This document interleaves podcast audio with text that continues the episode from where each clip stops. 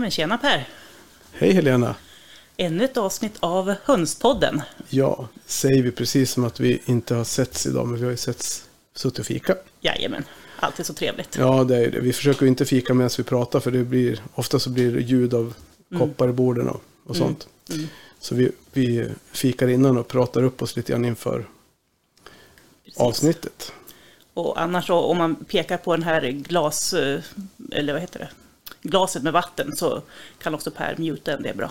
Ja, Ifall precis. man behöver ta en klunk vatten. Nu har jag ingen vatten så det är svårt. Nej, men jag skulle, har. Ja, du har. Jag skulle behöva det idag känner jag. Det är både pollen och förkylning så det är katastrof just nu.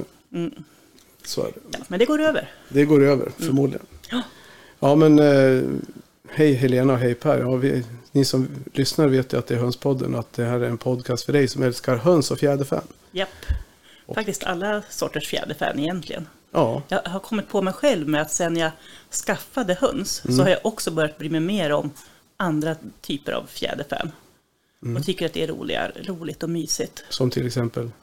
Ja, men fasanen som går här utanför hos er, den är ju fantastisk. Han är så jävla Alltså, envis. Ja, ja, men han står alltid här liksom när jag kommer. Jag har en liten Ja. filmsnutt, jag kan nog lägga ut den i Ja, våra det, sociala alltså, han är ju medier. så jäkla envis att vara här. Jag vet inte, jag tror Mm. han letar mat. Men vi slänger ju ingenting, ingenting utanför, Nej. och ta- utanför hönshusen. Där. Men han är, nästan varje morgon är han ute på gårdsplan när jag kommer ut till bilen. Ja, Så, ja. ja, men nu, nu när jag kom så då gick han ute på åkern, precis Ja. som förra veckan.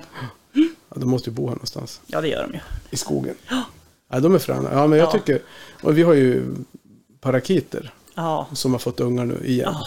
Det är ju fasen, alltså en nymfparakit heter det ju. mm. Vi kallar dem för nymfomanparakiter. Ja. För det är ju alltså, aldrig varit med om dem. De är ju värre än silkeshöns. ja. Och det vill inte säga lite egentligen. Nej. Nej. Alltså nu har de en unge som är, som är färdig. Men Mm. det var ju, jag tror hon sa det här inne att det blir den enda i år de får ha. Vi får ju plocka bort Mm. äggen och så. Nej, de är galna. Aha. Ja, den var väldigt söt i alla fall. De, nej, ja, Jo, den hade kommit till sötåldern, ja okej. tycker jag. Nu var tuppen här, fasan. Ja, ja, precis. Ja, nej, men de har ju den där, de är inte fina i början alltså. Jag vet inte vad det är med dem. De ser ju Nej. för, för Så- bedrövliga ut. Det är, alltså, sådana typer av fågelungar jag har haft under later och sånt där. Och, Ja, alltså, de är inte riktigt söta när de är nykläckta. Inte, Nej. inte som kycklingar. nej. Nej. Nej, det är väl egentligen Eller ällingar, för det, de är Ja. sötast. silkeshöns. Silkeskycklingar. Ja, ja, ja. Jo, de är fina. De är jättefina. Vi har ju de här Ja, precis. Som vi pratade om sist. Det här kan man ju inte lyssna sig mätt på. Nej, nej men det är märkligt. Ja, Man kunde trycka så här fjärde kläcket i år, men jag längtar fortfarande, eller redan till att höra de där pipen om några Ja. dagar. ja, ja jag har dem ju på kontoret så jag vet, jag hör dem ju. Mm. I och med att vi håller på att bygga om så har vi inte, är inte ordningen som den brukar vara. Nej, Vi får flytta runt lite grann. mm. precis. Så är det. Jaha ja, vad ska vi prata om idag? Mm, andra fjäderfän, Ja, helt enkelt. Nämligen vaktlar. Ja, Som jag har märkt att jag inte kan så jättemycket om. Eftersom jag inte haft några. Men jag vet att du och Tarja har ju både har och har haft tidigare också. mm. Vi har ju, ja precis. Vi får väl höra lite mer om det sen. Men vi har ju just nu, vi köpte ju eh, vad hette killen? Magnus Blomander tror jag som jag köpte dem av nere i ja, en bit söderut. Mm. Utanför Nyköping. Mm. Eh, jag kommer snart på det. Ja. Tystberga. Ja, mm. Eh, jag har hämtat gäng. Jag visste inte hur många jag skulle köpa. Han hade plockat fram ett gäng och, och Tarja hade sagt någonting som inte jag kommer ihåg. Så jag köpte alla han hade plockat fram. Det blev typ dubbelt så många. ja. Men eh, vi hade ju, sen hade vi sådana här, vad kallar man för, kla, ska jag kalla för klassiska japanska vaktlar som lägger sådana här kamouflagefärgade ägg. Mm. Det hade vi under ganska, ganska många år. Och de är ju, ja, de är ju rätt roliga. De är, de är lite roliga för att de är ju mark, eller ja, markgående är det väl inte. Men de, är, de funkar ju bra ihop med hönsen för att de springer på, på backen. Ja, sen är det Mm. ju Bob White har vi också. Bob White har ni. Har ni några kvar? Ja, vi har Ja. två. Mm. Ja, vi hade ju Bobbis, som vi, vi kallar honom för Bobbis. Det var rätt häftigt. Han, han var jättemysig. Han bodde inne hos silkeshönsen. Mm. Och eh, en liten, ja, men en liten ja, Bob White-tupp. Mm. Och vi misslyckades med något kläck, så vi fick ju bara fram typ tre, fyra stycken. Mm. Men, men den där, han eh, blev kär i en, en korsningshöna mellan Silke och Kocken. Mm. Och den där hönan, han skyddade henne, försvarade henne mot allt som kom Ja. in. Och fria för henne och sprang och liksom fjäska och visa mat. Och, Mm. Han var helt såld på henne. Ja, Så det blev ju aldrig någon kärlek riktigt så. Men, nej. men, eh, så det var, det var en väldigt, han var väldigt speciell faktiskt. För man tycker de är små, de här vanliga japanska som jag hade. Mm. Alltså, totalt opersonliga tyckte jag. Mm. Men eh, de sköt Ja. ur sig i alla fall. Ja. ja, vi får väl höra vad våran eh, gäst säger. För Ja. ja. våran gäst har nämligen just eh, japanska vaktlar. Ja,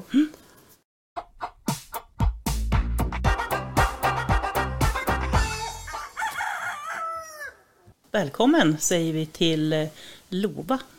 Är du med oss? Ja då, det är jag. Härligt, härligt. Ja, nu har vi suttit här och du har ju hört vad vi, vad vi säger. Ja. Så, så vi har ju snackat lite skit om japanska vaktlar här och så. Nej. Nej, jag skojar. snacka skit. Nej, jag skojar bara. Nu mutar jag dig. Nej, då. Ja, gör det. Nej, då, absolut inte. Vi prat, Nej. ja, du hörde vad vi sa. Men, eh, ja, men du får berätta, lova. Men du har något, har du något smeknamn som folk känner igen eller är du? Ehm, ja, alltså jag, jag och min sambo egentligen har ett Instagram som heter Pilkriget som väl egentligen började. Min sambo gjorde det någon gång när han stod och flisade pil från våran långa pilallé. Eh, och vi gjorde det kontot egentligen för att dokumentera vad vi gör på våran gård och sådär för Mhm. oss själva. Men sen har det blivit mer hönsodling, vaktelkonto sådär. Mm. Och sen min sambo fågelskådar också. Så det är lite allt möjligt. Ja, blandat. kul. Mm, Men ganska mycket höns och vaktlar. ja, Ja, precis. Och jag har ju liksom följt er och, och så ett tag nu. Och det var ett tag sedan vi hördes om att, ja, det här att vi skulle köra ett av, avsnitt om vaktlar. Och jag tänkte Precis. att, ja, och i och med att du även har hund så kan man göra lite jämförelser och, och så. För det är ganska många som har både och ändå. Ja, det skulle jag säga. Ja, precis. Så, men vem är du då, om vi börjar där? Ja, men jag som sagt, heter Lova och bor i, i Skellefteå, eller utanför Skellefteå, en by. Vi brukar säga att vi bor precis i civilisationens utkant. Ja, Eh, och då har vi en, en, en gård med en gammal ladugård och ganska mycket gräs, ja men ytor och sådär. Där vi har ja, men katt och höns och vaktlar och odlar lite grann och sådär. mm, Var, var i Skellefteå, var ligger gården? Stämningsgården heter byn som vi, som vi bor i. Mm. Och det är som, ja, men som sagt en bit utanför. Alltså vi har fem kilometer eller något sånt där till centrum. Så det är ändå, ga- ändå ganska centralt. Men, men eh, vi har inte kommunalt VA. Nej. Så att vi är verkligen civilisationens sista utpost. Sådär. mm. Ja, fast ändå Skellefteå, då har du en bit kvar till civilisation, civilisationens slut. Om man säger man åker inåt i landet eller norrut. Så. Ja, jo, absolut. Ja, nej, men kul. Jag har en kusin i Skellefteå faktiskt. Okej. Ja. Ja. Så det var lite, när du sa det så blev jag hajade till lite grann. För det är, lite, det är inte varje dag man träffar folk ifrån från stan. Nej, Nej. precis. Du, du kan det där. Ja. Ja, ja, absolut. Jag har faktiskt varit med och levererat material till Eddahallen och renoverade den för 15-16 år sedan. ja, men det kommer jag ihåg. Fast då, Mm. då bodde jag i Stockholm. Men det, ja. Det var då jag lärde mig om stan. För det var en arbetsledare där som, var, som pratade väldigt mycket om det. Så jag tänkte, vad fan. Så, vad, så det, var, det lärde man sig det. Men, eh, ja, men berätta mer. Vad har du för, vad är det för höns och hur mycket, vad har ni för vaktlar? Och, Vi har en väldigt blandad hönsgrupp.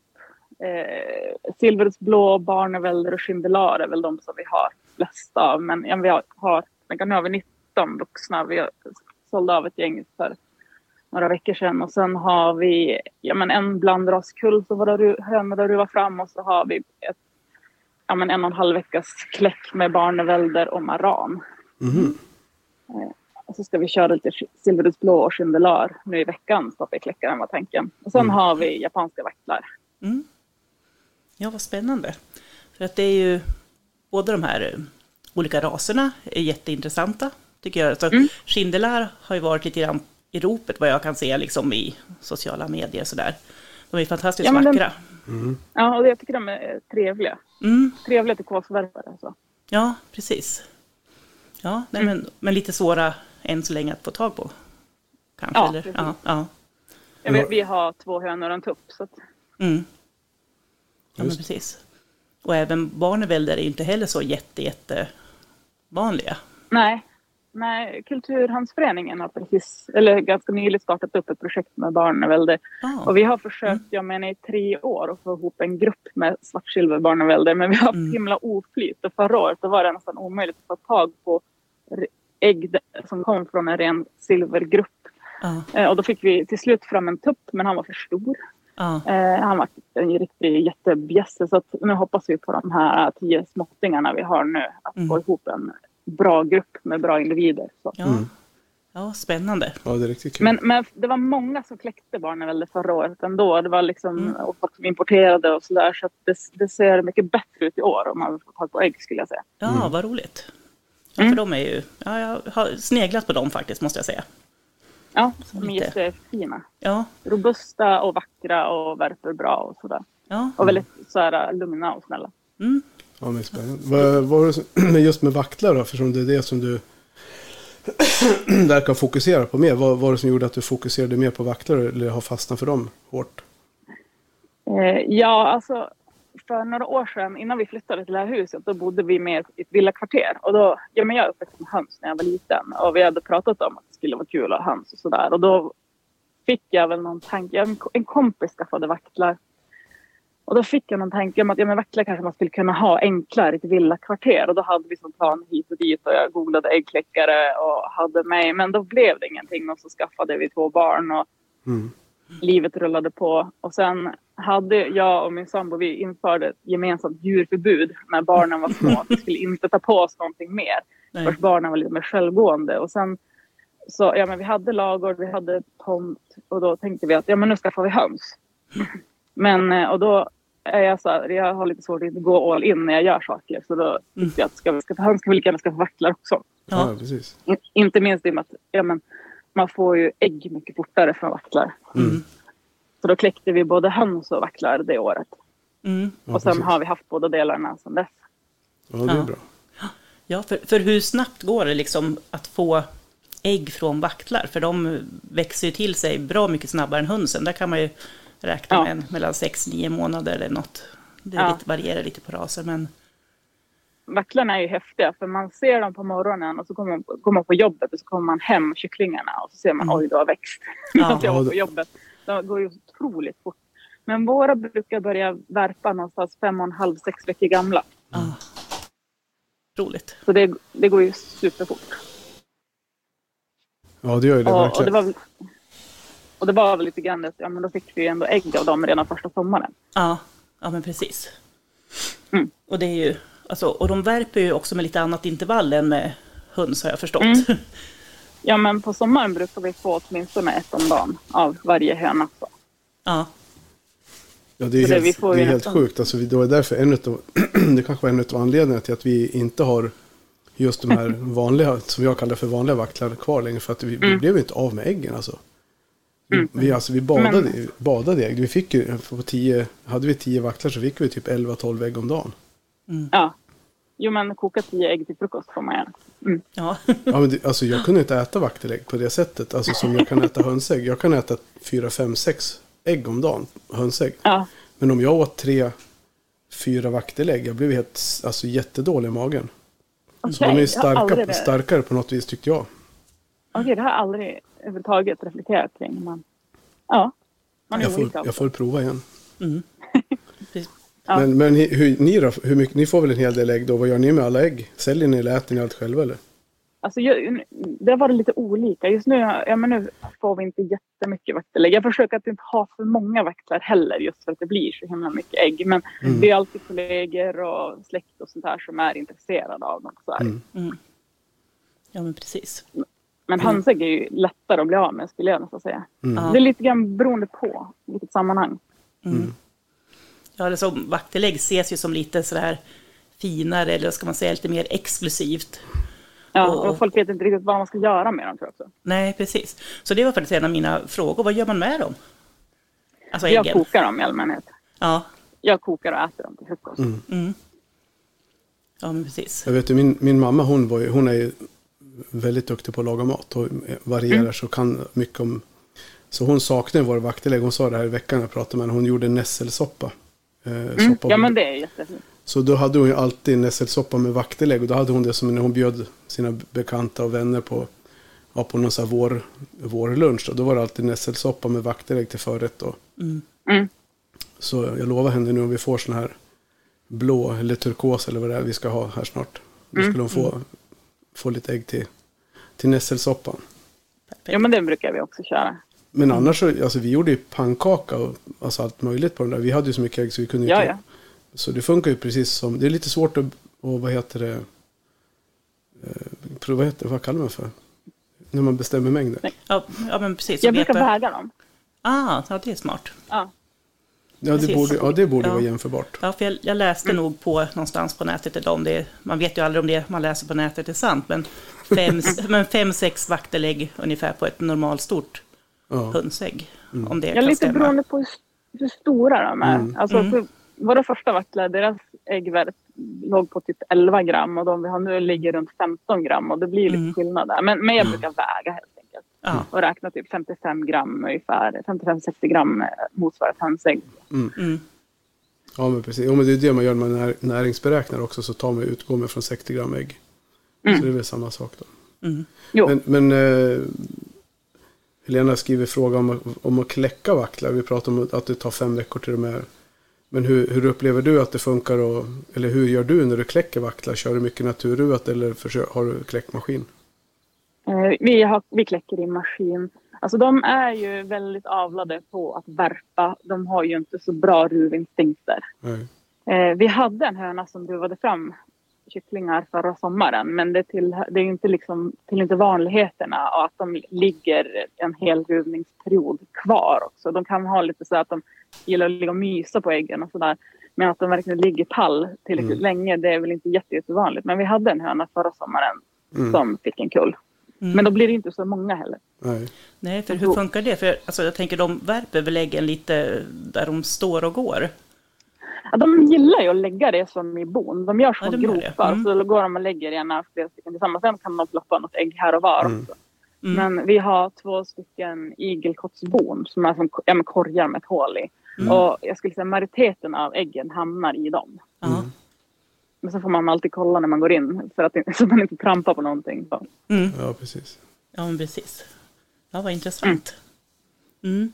Men hur funkar då liksom de här att kläcka vaktlar? För jag menar höns, alltså de flesta av, så att gissar av våra lyssnare har ju höns och jag har ju själv bara Mm. erfarenhet av det. Så, men vad är det för skillnader liksom i tider och alltså, med, med att kläcka vaktelägg jämfört med hönsägg? Jag brukar ha lite högre temperatur. Jag brukar köra, I min kläckare brukar jag köra hönsägg på 37,5 grad och vaktlar på 37,7. Mm. Eh, och sen ja, men typ 40 procent fukt.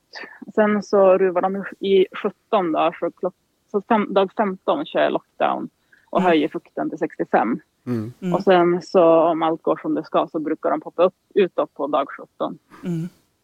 Eh, men sen, ja men vaktelkycklingarna de är ju pytte, pytte små. Man Ja. brukar få mortla fodret eller Ja. krossa det första veckan eller så. Alltså de är ju Och som, sen- hum, de är som humlor. Ja, de är pytte, pytte små. Det är helt, helt Eh, sjukt. Ja. Och sen så, de är jätteduktiga på att dränka sig. Mm. Mm. Eh, Så jag, jag brukar, första dagarna brukar de få vatten i typ ett burklock med, med glaskulor i eller så. Sen har jag också en automat från Högberga som har väldigt smal ränna. Så Mm. att de inte Mm. ska dränka sig i den. Vi har faktiskt aldrig haft någon som har dränkt sig. Vi har haft ganska flyt generellt tror jag med våra. Vi har inte haft vi har haft lite krokiga fötter och sådana där som vi har fått ta bort. Men Mm. ändå har det gått ganska bra tycker jag. Mm. Jag vet Men inte. de är ju små och sköra. De är ju det. Ja. Framförallt att de, när man sen ska stänga in dem i någon form av bur eller voljär eller någonting så får man ju Mm. titta över hur nätmaskorna får ju inte vara. Det är ju nästan som att man får heltäta nät. Typ, vi har putsnät ja. i våra voljärer. Mm. ja, men vad har ni för mask, maskstorlek då? Är det två gånger två centimeter? För då, Ja, 19, 19 ja, har vi. Ja. då måste det vara några, några, någon vecka nästan innan de inte kommer ut där. Ja, så då, vi har dem inne i en kaninbur första, Mm. första tiden. Vi, vi, har som, vi brukar ha dem inne i en kaninbur första typ två veckorna. Och sen så får de flytta ut i våra lagård i en större kaninbur. Och sen när de är fyra veckor sätter vi ihop dem med resten av gruppen. Mm. Och då är de i princip fullstora. Mm. Ja, så Ja. Att det går så himla fort. Jag är fortfarande fascinerad. Ja, jag med. Alltså, ja, vi har Ja, haft nu, några år sedan vi kläckte vakter själva. Jag vet inte ens, fem, sex år sedan kanske. Men då kläckte hon ju ganska mycket vakter några perioder där. Och det är ju som, man fattar inte, de föds ju, de är som tumnagel nästan när de föds. Mm. Och sen Mm. blir de ju, på fem veckor så är de ju typ 15 centimeter. Mm. Mm. Så Mm. det är ju, Ja, för du pratar liksom om, om voljär här nu till, till vacklarna. Och jag tänker, vad, vad, har man, vad, vad trivs de med för, hur vill de bo helt enkelt? Alltså, de, är ju, de är ju lite som fasaner, de är ju strikt marklevande fåglar. De, de lever ju på marken. Mm. Om man tänker, så, så att det, de vill ju inte ha sittpinnar eller sådana saker. I naturen så ja, men gillar öppna fält, busk, snår, sådana saker. Mm. Och blir de skrämda flyger de rakt upp med en himla fart. Ja. Eh, sen är det lite klurigt för att eh, på japansk vaktel så vet länsstyrelserna själva inte riktigt vilka regler som gäller Mhm. för storlek och sådana saker. Så frågar man dem så får man olika svar beroende på vem man frågar för det finns öppet för olika tolkningar Ah. tyvärr. Men eh, vi har gjort så, jag, jag tycker att det är praktiskt att kunna gå in till dem. Sen finns det en del som har dem i burar, ja men mer om man tänker typ kaninbur sådär. Mm, mm. Men jag tycker att det är praktiskt att kunna gå in till dem och liksom Mm. vara där inne. Så, där. så vi har en bur, eller en voljär på sommaren som, med en min, ett mindre hus. För de är, de är inte så intresserade av hus egentligen. Nej. Eh, som de bor i på sommaren som har ett tätt tak så att det inte regnar på dem och sådär. Mm. Eh, och sen så bor de inne i våra lagård i en stallbox på vintern. Mm. Så att de har som en sommar och en vinterbostad. Och det Mm. tycker jag funkar jättebra. Mm. Ja, det För då låter kan ju man liksom möb- Ja. möblera och sådär inne i stallboxen också. Ja, men, Mm. göra lite varierande och sådär. För de gillar ju som att gå runt och dola på. Jag brukar säga att de är så små tanter på ICA som går omkring och tittar Ja. på olika saker. ja, Ja. de är som det här på Ullared. Lallar runt. Ja, de är som på Ja. Ullared. De Jo, springer runt och kikar på allt möjligt. Vi har ju, Ja. Vi har ju några Bob White-vaktlar kvar och sen har vi ju de här nya Celadon-vaktlarna. Men de här Mm. Bob White, de har ju bott i samma, alltså typ samma voljär i flera år. Och de, man, Mm. byter ut lite mossa och lite stubbar och någon, man lägger in lite takpannor och, så de får klättra runt Ja. på och sådär. Så de gillar ju att hålla på med, men framförallt mossa gillar de ju. Ja, det tycker jag är jättekul. Ja. Mm. En mossig stubbe, om man vill ha den rensad så är det bra att slänga in den till vaktlarna för då blir han ju Mm. helt ren ifrån mossa och allt möjligt sen. Mm. Mm. ja, precis. Men, men Ja, men de är ju sköt, tacksamma. skötsel Ja. där tänker jag, de äter ju mycket så de skiter ju mycket. Hur ofta behöver du göra Mm. rent eller brukar du bara lägga det på nytt uppe på? Men du, de går ute så man behöver inte göra så mycket eller? Alltså ute på sommaren, alltså, så, länge, så länge vi inte har haft för många. Då, jag har några hörn där vi brukar lägga ut halm. Mm. Och den, får jag byta, den byter jag liksom när den ser sunkig ut. Mm. Eh, och sen resten av voljären, det, det är mest jord och sånt där. Och det har egentligen inte behövts göra så himla mycket. där. Jag krattat runt någon gång och så.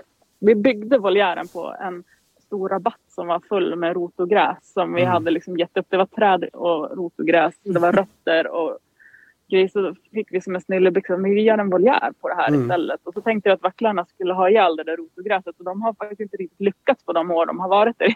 Nej.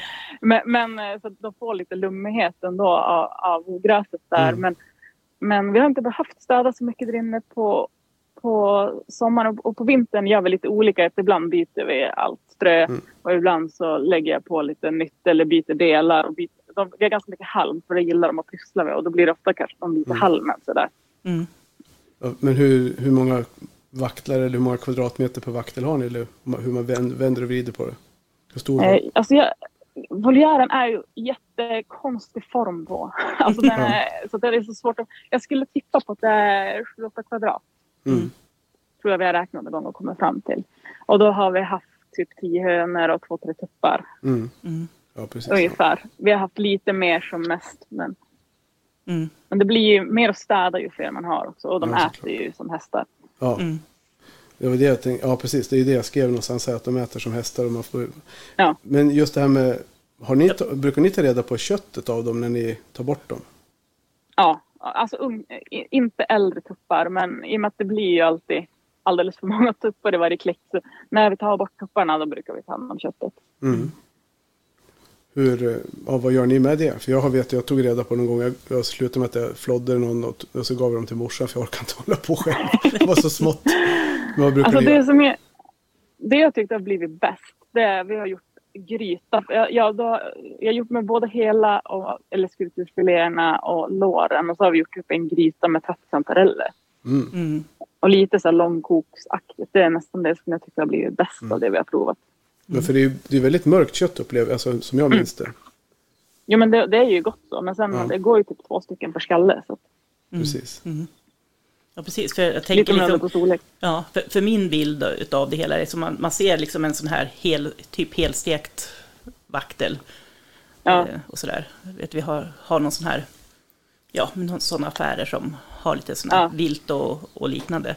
Att där ser man Ja. de här små, små hela eh, djuren liksom. Ja. Eller, ja. Och att det, ja, det, det man- känns som lite lyxig mat också Men sådär. sen, sen vet jag, man tittar på sådana här riddarserier, när de kommer in med de här, de bryter loss de här, det är saftigt och fint, de här mindre, de får in, det är väl säkert, de ska föreställa sig. Det går, men så går det inte att göra om du kör en sån här vaktel i ugnen, det blir bara en dammhög liksom. Det går inte att Jag bry- tänker det. det går inte att bryta, man får bryta sönder det för att få, ja. Ja. Ja. Nej, och vi har aldrig provat plocka dem utan jag brukar flå dem. Ja. Och då går det ganska fort och smidigt att slakta dem faktiskt. Mm. Ja, men det gör ju det. Det tyckte jag med. Det tyckte inte jag var något problem. Det var väl trångt att ta ur dem tyckte jag, men det går att göra, alltså det går att skära upp, skära upp bröstbenet eller ta isär dem där liksom, så får man bort, bryter man bort bröstbenet så går det ganska enkelt. Men ska man ha dem Ja, man hela då? Det är mycket lättare för mig som har storlek small i handskar än för min sambo som har storlek XL. Så det är liksom jag som sköter den biten. Mm. Ja. Mm. ja, det förstår jag. Ja, ja, så, ja, vi pratade ju om att de äter så mycket, men vad, vad äter de, undrar jag som vill lära mig Vi mer. ger våra kalkonstart. Ja, Eh, De behöver ganska mycket protein i sitt foder och man kan ge dem kycklingstart om den har tillräckligt hög proteinhalt. Men det är mer protein i kalkonstart. Jag upplever att de äter mindre och bajsar mindre när de får högre proteinfoder. mm, Ja, absolut. Vi kör Sen är det lite Ja, säg. Ja, men sen är det lite knepigt för det finns foder på marknaden som har en vaktel på omslaget och som utger sig för att funka till vaktel som har typ 10% 11 protein. Eh, och i Facebookgrupperna händer det ganska ofta att folk undrar varför deras vaktlar dör eller mår dåligt och så får de det här fodret. Mm. Eh, så, och det är ju inte kul. Okej. nej. Eh, och det är, tycker jag är dessutom ganska falsk marknadsföring för att eh, ja, men 20 procent åtminstone bör det vara i fodret Mm. och Mm. kalkonstarten har 25. Mm. Mm. Så det är ju att de lever så hårt. Ja, men precis. Det, jag tänker det är en stor, alltså ämnesomsättningen är ju, går ju på högvarv. Mm. Hur, hur gamla, gammal blir ungefär en vaktel då? Alltså de äldsta vi har haft de har varit två år och de har värpt fortfarande. Mm. Då har de ju en vintervila också. Men sen har så gav jag bort dem faktiskt. Så att jag vet inte riktigt eh, hur, hur, det har gått, hur det har gått för dem. Utan det var, en- jag, jag gav bort dem för att kunna spara kycklingar och då var det en som så snabbt behövde kompisar till sina för han hade fått för få i gruppen. Och då sa jag, men ta de här så slipper, slipper jag ta bort mina favoriter. Typ. Mm. Ja, Så, ja, så får du snabbt lite nya hönor också. ja, precis. ja, men precis. Ja, vi har ju nog haft någon som Det är win-win. den här Bob White, Bobbys som vi kallar honom för, som vi hade, han blev ju, jag kommer inte ihåg, tre eller fyra eller fem år. Han blev gammal som 17. Så jag tror kanske Men de, de le- värper inte lika hårt. Nej, Nej jag, jag tänker det. Alltså, det står ofta att de blir typ ett och ett halvt år Mm. eller någonting sånt. Men de här var ju åtminstone två verk Ja. fortfarande. Så det beror nog lite på hur de lever också. Så Mm. vi har ju haft japanska vaktlar som, jag- som jag, nu kommer jag, får, väl, får, får jag väl rätta nästa gång om jag säger fel. Men jag tror vi hade någon japansk som blev tre. Mm. Ja, jag, men jag tänker att de jag gav bort nu säkert börjar, någon, någon är tre där också. Mm. Mm. Men jag tycker skillnaden som jag upplevde med dem är att det är väldigt Alltså det är väldigt då, lite sjukdomar. Så det finns ju inte direkt några sjukdomar som vaktlarna får. Eller hur har du upplevt det? Vi hade i alla fall väldigt... Vi är inte hittills.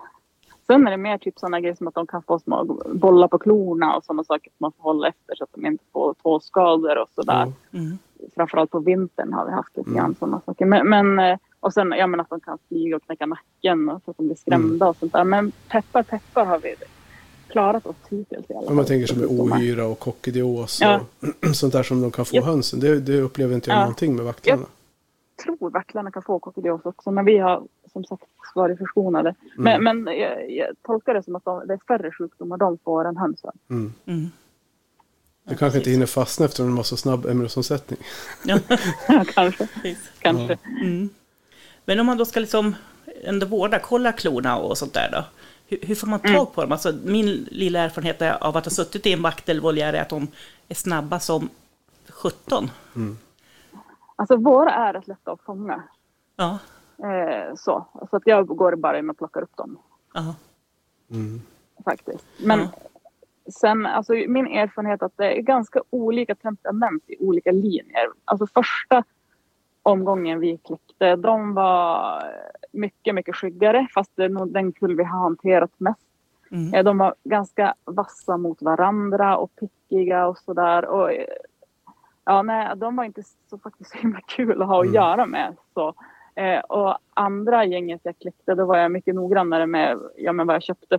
Första gången jag bara, var jag bara så glad att jag hade fått tag i ägg. Typ, så. Mm. Mm. Men andra gången var jag ganska noga med vem jag köpte ifrån. Att det skulle vara liksom från lugna individer och sådär. Mm. Och, och sen är det väl framförallt de jag har avlat vidare på. Och nu så de är väldigt lugna och trevliga de här. Och vi har aldrig haft något blodvite mellan dem eller sådär. Då hör man andra som får typ, ja men eh, hålla på en vecka innan de kan sätta in ungdomar Mm. i gruppen med liksom bur och att de ska se varandra och sådana saker. Och vi släpper ut bara när de är fyra veckor och sen så är det lugnt. Mm. Mm. Ja, men för det vet vi Så hade någon, någon gång att det var, när du säger att de är vassa mot varandra, så det vet jag vi hade något Mm. problem med vid något tillfälle att de hackade ihjäl. Hackade ihjäl. Mm. De slog, alltså, det låg en, bara en massa döda djur rätt som det var. Jag vet Mm. inte om det var någonting som hade kommit in och stört dem så det blev någon stressgrej. Ja, men det nej, var, och det, sånt hör man ju om. Mm. Men, och jag, men jag tror ju att, eh, att det är en del beroende på vilka linjer också. Och jag, om man tänker den avel som vi driver så är det liksom i första hand temperament, i andra hand äggstorlek och Mm. i tredje hand färg i den ordningen. Så Mm. har jag tuppar som går för hårt åt hönorna eller så, då försvinner de illa kvickt. Så. mm. Och vi har, vi har nästan alltid fler tuppar. Eller alltså, man brukar säga en tupp och fem hönor men vi har nog oftast fler tuppar än så också. Och, för jag vill att de ska liksom funka så. Mm. Mm. Mm. Men annars så fångar de, tänker jag, Helena. att Vi, vi hade ju, vi har ju, det, det var ju lite roligt faktiskt. Jag skrev någon fråga här. Eget, egna berättelser. Men vi hade ju någon, hon byggde ju sen, byggde ju min fru en, en luftsluss utanför vaktelbur. För vi hade en voljär på gården med en dörr som man bara gick in. Men Mm. sen efter att vi, om det var hon eller jag, det vet jag inte. Vi får se att det var jag eftersom det var jag som pratade i podden. Öppnade den här vakteldörren så blev de rädda. Det var ju som, ungefär som projektiler man ser på, ja men så nu kastar, kastar lerduvor. Bara, två stycken bara flög rakt ut dörren och bara försvann. Mm. Sen var de borta. Försvann ut i skogsbrynet och sen såg vi aldrig till någon mer. Nej. Så det är, men, Ja. så, men det är väl typ en fjärilshov. Eller någonting sånt där. Ja. Brukar, vi, brukar man använda. Mm. Ja. Mm. En, ja, men typ lite rejälare fjäril. så. Ja, vi också, en, bra grej om man ska bygga en voljär det är att bygga en tröskel in i och med att de går på marken. Mm. Så bara där har man ju förebyggt en del. Men vi hade också första, var det första sommaren tror jag vi hade vaktlarna. Då hade jag såklart. Det var ju, jag brukar säga att det var tur att jag och inte min sambo Mm. hade missat. Och jag sprang ut och in och fixade mig grejer och hade missat och haspa på dörren ordentligt på kvällen. Mm. Eh, och sen på morgonen så står jag och tittar ut genom köksfönstret och så bara någonting är konstigt. Något är som inte stämmer och då ser jag att dörren är öppen och sitter en skata inne i voljären. Ja. Eh, och då hade, hade det blåst ganska hårt på natten så dörren hade fått, åkt upp. Mm. Skatorna hade tagit sig in så det låg döda vaktlar utanför. Det låg döda vaktlar där inne. Det satt en skata och åt på en vaktel där inne. Mm. Och då, men vi fångade ett gäng. Det var en fördel med att vår voljär var så konstig form. För att det var som inte självklart att hitta till dörren för de stackarna. Mm. Eh, Så mycket vinklar och vrår. Men, men vi fångade tre tror jag med fjärilshov. Mm. Och Sen hittade vi ytterligare resten efter någon, några dagar senare. Mm. Mm. Men skat, skatorna var, hade ju snabbt snappat upp det där och Mm. de är ju riktiga vaktelmördare om de får ja, chansen. Mm. Det låg liksom renätna ben där inne. Ja, men precis. Ja, men det är ju ja, lite stora kycklingar, mums. Alltså, Jo. Ja, precis. Ja, precis. Skator är ju, ja, de är ju kluriga också. Lustiga. Mm, mm, ja, verkligen. Vi, hade ju torn, Mm. vi har ju en tornfalk, ett tornfalkspar, eller ja, en holk för Mm. tornfalk här på en loge eh, typ 200 meter hemifrån. de är ju där varje sommar så jag tror att de fick sig en liten munsbit. Mm. Jo, så, så finns det skator i närheten så de Mm. tar dem. Mm. Eh, så sen sätter vi en eh, fjäder som stäng, håller dörren stängd. Mm. Mm. Ja, Ja, det är Eh, smart. bra, bra säkerhetstips. jo, Ja, precis. faktiskt. Ja, just det. Vi, vi pratade ju lite innan om det här med olika raser av vaktlar. Och det verkar inte som att det är olika raser. Har jag fattat det rätt nu? Det finns ju många former av japansk vaktel. Mm. Eh, och dels, ja, men folk brukar, man brukar prata om vanlig japansk vaktel, jumbovakt, japansk jumbo och fläsk, fläskvaktel eller fransk vaktel. Och det är ju egentligen samma fågel fast i olika viktklass. Mm. Och en del tänker att det är olika raser men det, det har ju bara att göra med vad de väger Mm. Mm. kan man säga. Precis, det är en storleksindelning snarare än... Ja, än så, ja, så att om två jumbovaktlar får en avkomma som väger som en fläskvaktel, då är den en fläskvaktel. Så. Mm. Mm. Sen är de större ofta lite lugnare också. Mm. Mm. Ja, Och sen det. finns det ju Mm. ja, men de som ni har då som har en celadongen som värper, så att de värper Mm. grå bl- eller turkosblå ägg. Mm. Ja, för det fanns ju väldigt mycket Men- färgvariation på de såg jag när jag var och hämtade dem hos, hos Magnus. Det var väldigt, han, hade ju, han hade ju koll på vilka han hade parat och avlat med. Så vi, vi, man visste Ja. vad, vad det var för djur. Men han Mm. hade ju en hel del olika teckningar på dem. Jo, Men man det- säger Bob White, men- Bob White, det måste ju ändå vara en egen... Ja, det är ju en annan art. Ja. Det är, det är en annan art av vaktel. Mm, Men, men japansk vaktel finns, ja, men, och de finns ju i många olika färger också. ja, Och mönster. Mm. verkligen. Och genetiken är jättesnurrig. Mm. Ja, precis. Ja, den har jag ingen koll på. Men, Ja. Ja, det, var spänn- ja, det är ändå Ja. spännande. Mm. Ja, vi har en lite udda färg på våra som vi avlar lite på. Då, och det är så här, ja, men jag har frågat runt i internationella vaktelgrupper och ingen blir riktigt säker även där vad det är för färg de har egentligen. Mhm. Och det finns jätte- jättemycket färger och mutationer och mönster och sådär. Mm. Så det är lite kul. ja, verkligen. Då kan det bli lite... Poppa upp lite som man inte hade tänkt sig, kanske ibland. Ja, Ja, ja. Det vara spännande. det är så det, är så det är med genetik, att det blir lite ibland. Om Ja. man inte har den här ras som vi pratade om tidigare med domarna där, eller de som Mm. höll på med, med rasförbundet där. Mm. Att det var en ras, att det blir att man, en förväntad liksom från gång till gång. Mm, mm, Så har man inte den, då, då kan det ju bli lite vad som. mm. Mm. Ja, men precis. det finns ju de som avlar färgrent och sådär också. Mm. Mm, mm. Men jag tycker att det är kul med variation. Ja, precis. Ja, absolut. Om det inte är någonting man, av någon särskild anledning så är det väl, då spelar det ingen roll. Mm. Men Mm. kan man då till exempel ha celadonvaktlar och alltså den varianten med, med de blåa äggen och, och japanska vaktlar med de här vanliga ska vi säga, spräckliga äggen? Hur funkar sådana Mm. saker då? Alltså det som händer det är att de parar sig med varandra. Mm. Eh, och och eh, i och med att det liksom bara är en, en gen.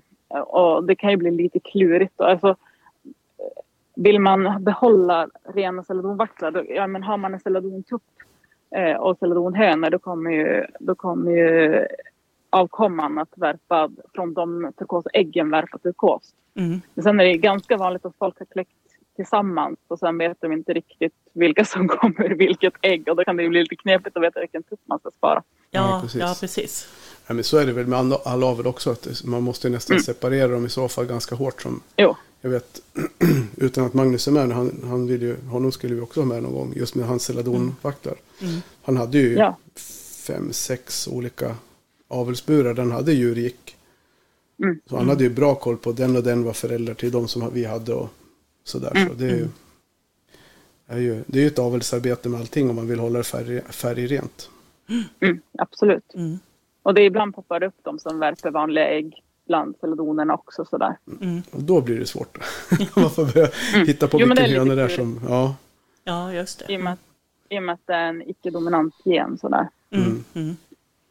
Ja, likadant om man får, får in det, en sådana djur i en grupp som man har kläckt fram. Då måste man veta vad Mm. det var som, vilket föräldradjur det var som inte klickade. Det Mm. blir lite detektivarbete säkert. Mm.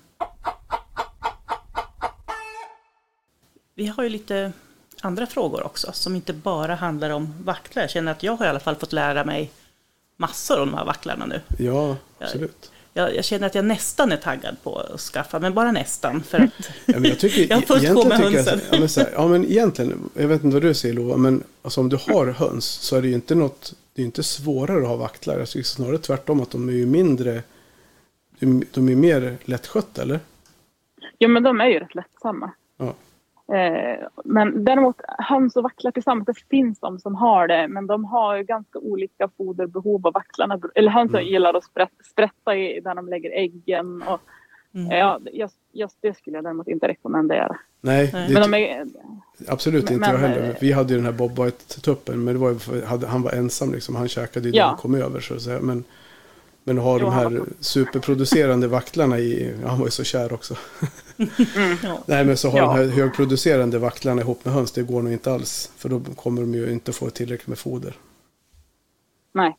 Så- nej och, och deras ägg kommer att bli uppätna och boende Ja. kommer att bli sönderrafsade och sådär. Mm. Mm. ja, men precis. Ja, de har ju olika behov helt enkelt. Jo, Ja, just det, så är det. Men däremot att ha dem på samma, alltså som vi har i vår hönskulle, då har vi lite, en, en liten vaktelvoljär separat. Mm. Då. Så man passerar den när man går till hönsen, så det tar inte så mycket mer tid att titta till dem. nej och vi har dem i samma stall fast i olika boxar. Mm. Ja, precis. Mm. Nej, så det, jag tycker gott folk som, folk som har höns, har fjäderfän kan prova vaktlar någon gång, för det de är ganska mysiga. Ja, och lite grann rent krasst vill man kan man ju kläcka dem på våren och ha dem över sommaren och äta upp dem på hösten. Alltså om man ska vara Ja. jättekrass sådär. Ja. Ja, ja. Om man vill prova på. Så. Mm. ja för det är lite, det är lite vilt smak över dem tycker jag, viltköttaktigt.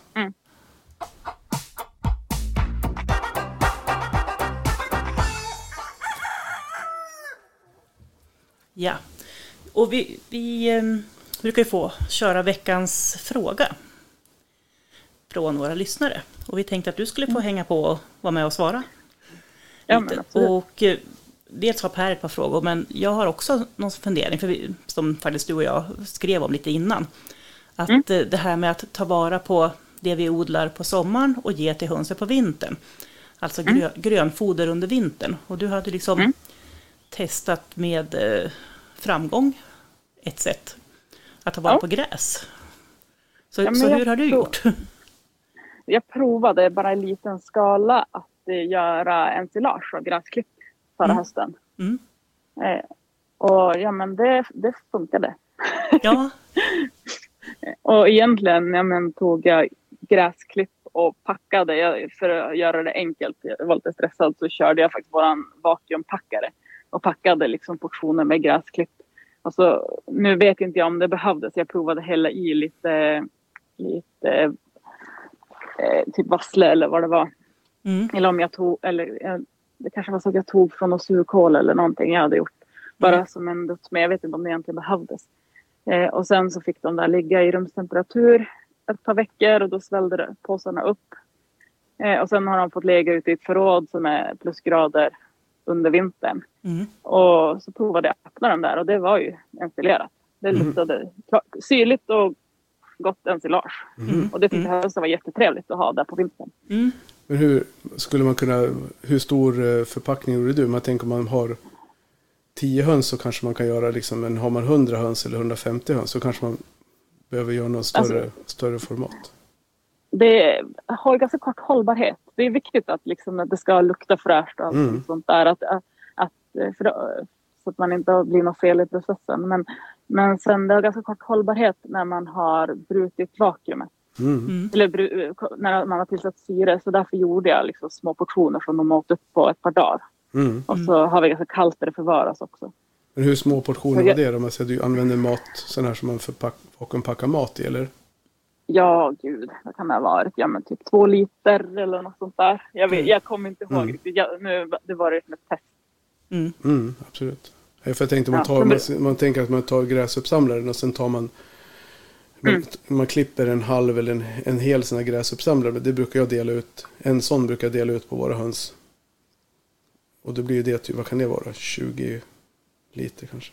Mm. Skulle det Ja. funka att göra så stor? Hur skulle man kunna göra då tänker jag?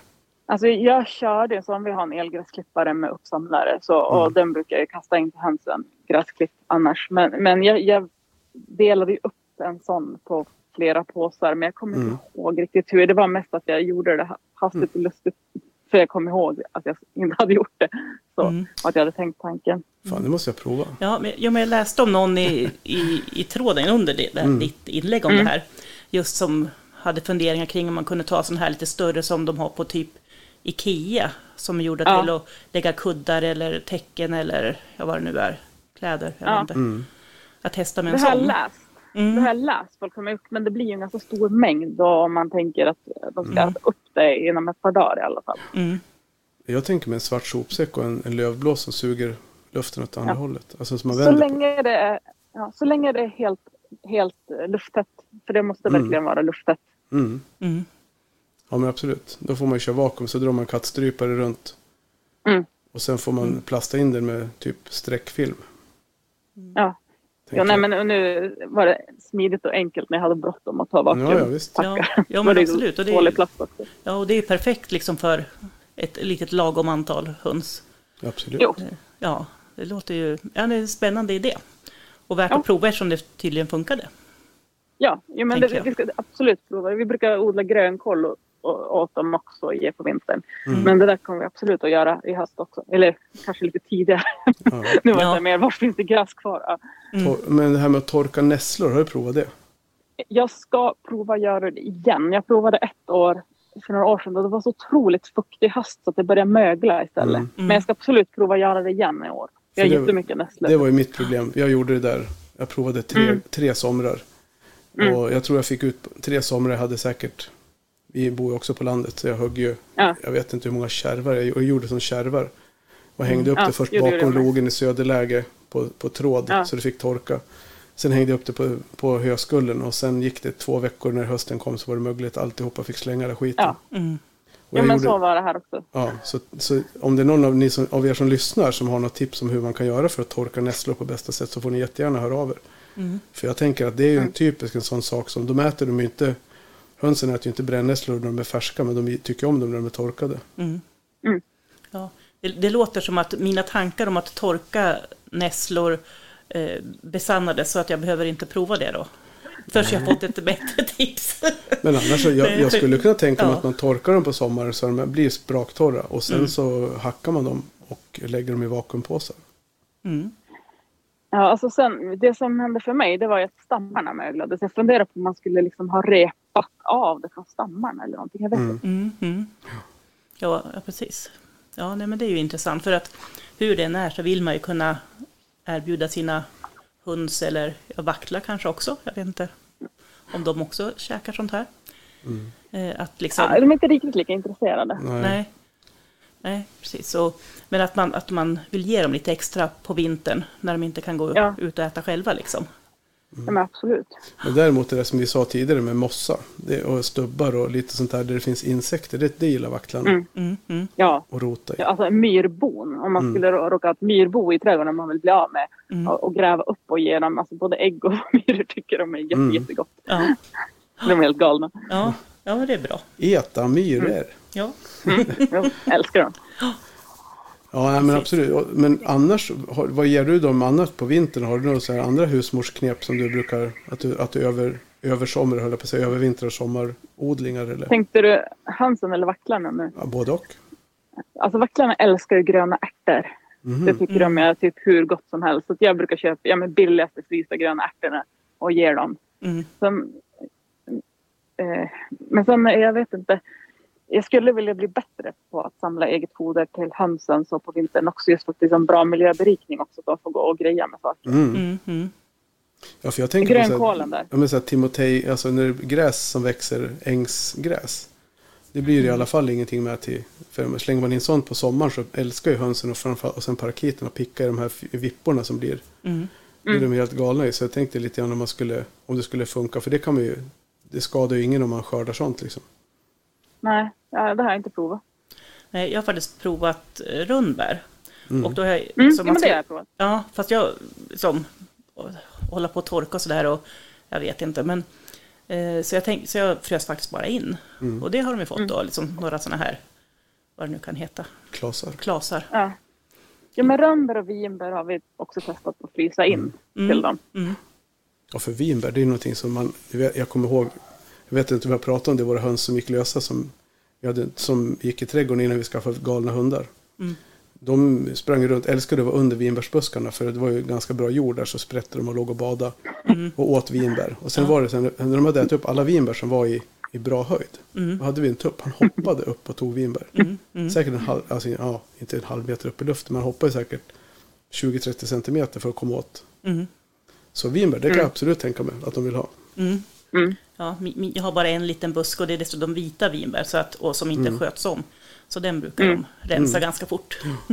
Och det Vi får har man- mycket häggmispel också. Det tycker de är jättegott. Häggmispelbär. Bra Ah, idé. Bra idé. För vi har ju ja, vi har mycket häggmispel runt omkring oss här faktiskt. Det är jätte, jättemånga Mm. träd. Ja, men du ser vilka bra tips. Vinbär, häggmispel, rönnbär. samlar man på hösten till hönsen. Och sen torkar vi brännässlor när vi har fått en, en bra metod. Ja. Vi provar att, att ensilera gräs. Mm. Då kanske vi åtminstone kan ha godis så vi klarar oss genom en grå och kall vinter. Mm. Mm. Men det tänkte jag på. Nu har vi faktiskt en, vi har efterlyst ju gäst ifrån Norrland. Mm. Eller ja, ni, ja, eh, norröver som ha- har de här riktigt mörka, långa och jäkligt kalla vintrarna. Hur tycker du att Mm. eh, dina höns och, och vaktlar, de här höns och sånt påverkas av de här korta dagarna ni har på vintern? Alltså vi har ju belysning till dem. Ni har det? Ja. Mm. Ja. Och jag har så här med så här plate dimmer så att det dimmar av och dimmar på. Mm. Som en eh, konstgjord skym- skymning och gryning. Sen så drar vi ner antalet timmar på, för att de ska få lite vintervila och sådär på vintern. Men absolut belysning. Mm. Ja. Och sen tänker jag att våra höns de vill inte gå ut för att det är snö och i södra Sverige får de inte gå ut för att det är fågelinfluensa. Och så det tar väl ut varandra lite grann där. Ja, ja, sant. Absolut. Nej men sen förr i tiden hade man ju inte höns som gick ute på vintern. Då gick, tog man in dem i stallet för att Ja, ja. djuren skulle hålla värmen tillsammans. ja men absolut. Så var det. Ja, Men vad har ni för, vad har ni för typ av bely- belysning, alltså ljuskälla? Är det lysrör eller lampor? Eh, eller?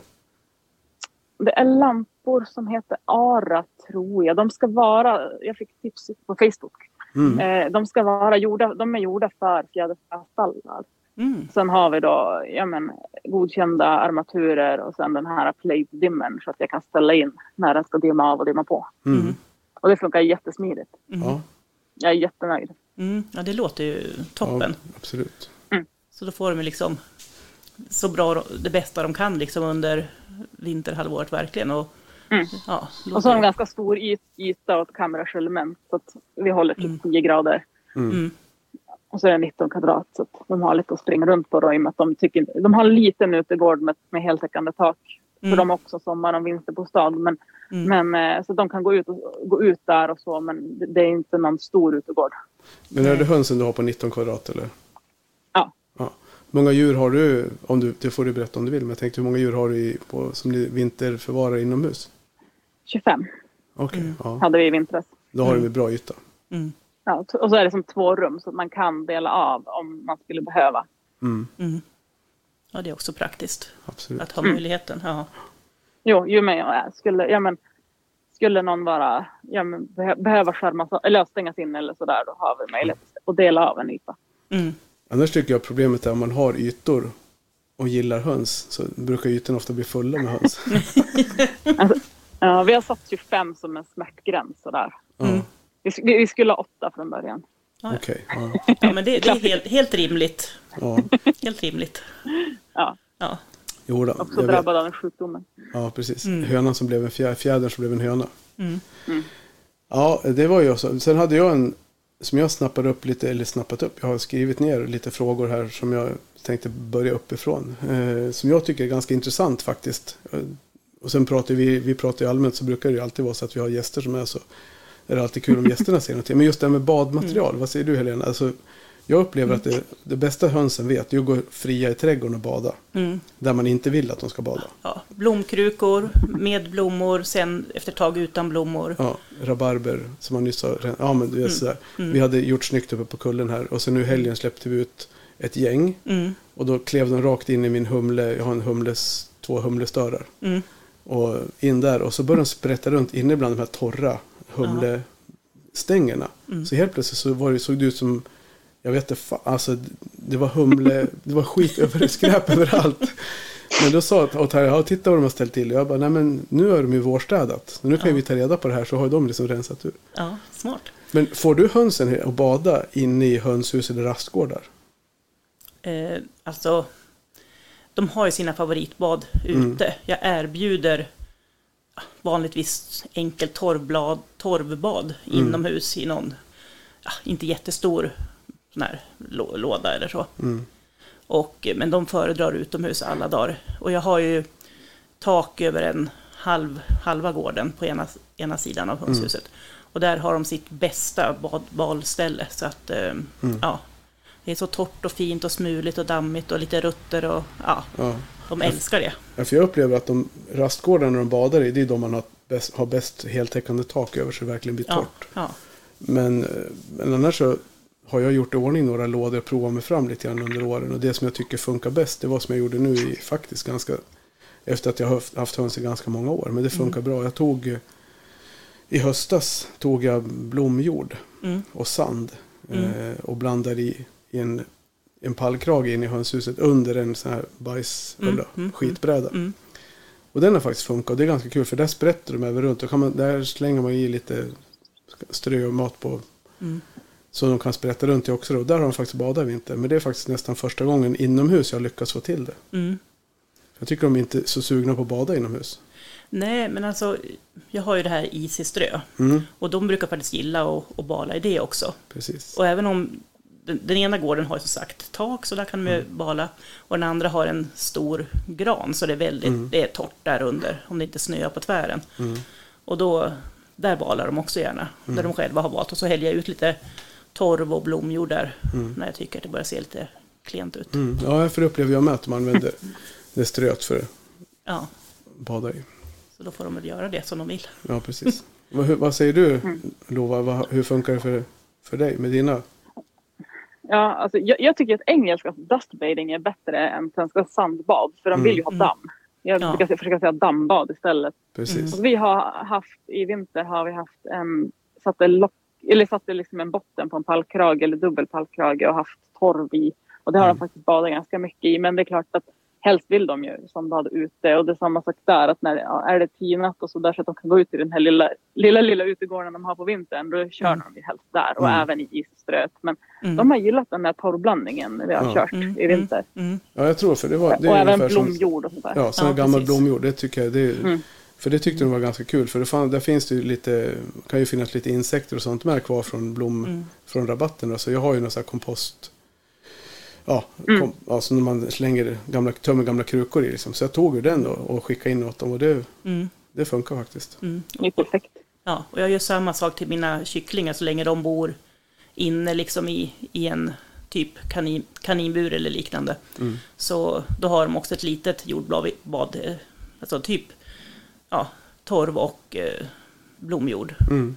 Fast då är det en lite mindre bytta de har inne i sin bur. Ja. Men det uppskattar de ju verkligen, de där små Ja, silkeshönsen är ju, de är, de är helt galna i isiströ. Mm, Så fort man lägger in nytt strö så är de ju där. Det räcker att man ströar på ibland. Men framförallt när man byter hela, hela Mm. ströbädden så är de ju där och liksom ligger hela, hela högar och bara sprätter med det där mm, i fjädrarna. Så det, Mm. det kan jag också rekommendera de som inte har provat det. För det, mm, det gör de, de har aldrig gjort det med spån. När vi hade spån förut. Det gjorde de aldrig. Nej. De gjorde aldrig det när vi bytte och hade torv. Nej. Eller när vi hade hampaströ. Så här, nat- ja, riven hamp. hamp vad heter det inte? Mm. Riven Ja, hampströ. Ja. handbollströ. Mm, Det badar de heller aldrig. Men Mm. isiströt, det gör de ju helt. mm, Har du provat det Lova? Kan, ja, vi, vi kör isiströ nu och det är Ja. det bästa jag testat. Och Mm. dessutom, jag så trodde att jag fick astma av hönsens damm Mm. när vi hade hampaströ. Jag hostar inte alls in hos hönsen längre sen vi bytte. nej. Men jag kan säga att våra kycklingar de gör sitt bästa just nu för att sprida isiströ över hela golvet. Mm. Mm, In, mm, Som de som fortfarande bor inne, de balar och balar. De. Ja. även ja. tycker att det är jättemysigt. Men jag kan säga också vacklarna kör- har jag också sandbad till, eller dammbad. mm. Ja. Och då har- har jag gjort så att jag har tagit en ganska stor plastback och så har jag borrat ett hål i den. Ja, just det. I, Mm. Jag menar 10 centimeter upp. Och så får den stå inne i deras bur som de bor i just nu på vintern. Mm. Eh, och sen så går de in och balar sig i den. Och det är ganska smidigt för då far den inte precis överallt i hela... De behöver inte fylla Nej. på så ofta. Nej. I och med att den stannar kvar i backen då. Okej. Ja, vi kanske kan få låna en bild på den, för att det är också, du har ju många Ja. sådana här fiffiga lösningar. Ja men absolut. Så att det kan vi Absolut. visa också ännu Ja. tydligare hur den ser ut, för det ser ju kanon ut. Absolut. Mm. Och sen får Och de jag, balar ju annars ute också. ja, Mm, mm. jag kikade lite grann på din Instagram. Jag är inte lika duktig som Helena på och vad heter det? Research. researcha innan. Jag brukar överlåta det till henne. Eh, Men jag kikade lite grann nu innan vi Mm. spelade in. Nu är himla trevlig Instagram ni har. Så Ja, får men, ni, tycker jag ni gärna ska gå in och följa. Mm, Faktiskt. Det är absolut. kul att, alltid kul att se lite nya konton. Mm. Jo, men det är alltid roligt att få inspiration och, och bra tips. Mm. Så nu har vi fått några här också. Ja, Mm, i Verkligen. podden. Det, det är vi glada för. ja. Är man intresserad av vacklar så finns det en kille som gör, som gör Youtube-filmer också som heter Swedish Quail. Ah, Han lägger upp mycket så här, äh, informativa filmer och sådär om vacklar. Ja, Mm. kanon. Och då lägger vi ut en länk. Ja, absolut. Ja. Jag, no, jag noterar här Swedish lilla Quail. Ja. Swedish Quail. Mm. Ja men supertrevligt. Vi får väl se. Vi, vi åker ju, jag har ju lovat eh, vid något svagt ögonblick lite lyssnare att vi skulle, när vi är ute och åker med husbilen i sommar så ska jag släppa med mig poddstudion. Så Mm. och passerar vi Skellefteå så kanske jag skickar ett PM och kollar om du är hemma. Mm. Absolut, Jag vet inte. gör det. Du, eh, ja men supersnällt att du ville ställa upp. Ja. Du, du får gärna hänga kvar några minuter efteråt så får vi snacka av sen med det också. Ja, Så ja, men du, stort tack så hörs vi vidare. Tusen ja tack.